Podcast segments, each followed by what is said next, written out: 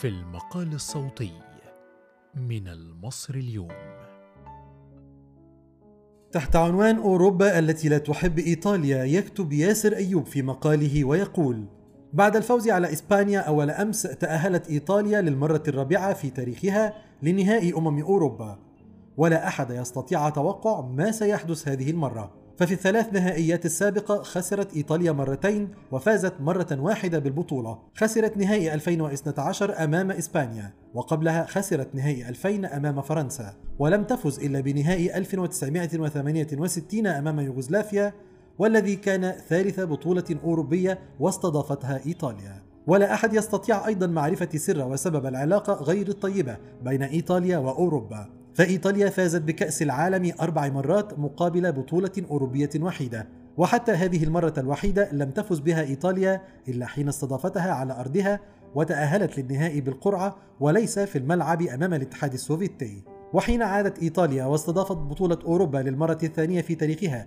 1980 لم تنجح في التأهل للنهائي وخسرت أيضا مباراة تحديد المركز الثالث أمام تشيكوسلوفاكيا. لكنها فازت بالمركز الثالث مرة وحيدة بعد انتصارها على ألمانيا الغربية في بطولة 1988 التي استضافتها ألمانيا الغربية. وبالمقارنة بين نتائج إيطاليا في كأس العالم ونتائجها في بطولة أوروبا ستتأكد هذه العلاقة المضطربة بين إيطاليا وأوروبا. ففي 1982 فازت إيطاليا بالمونديال الإسباني.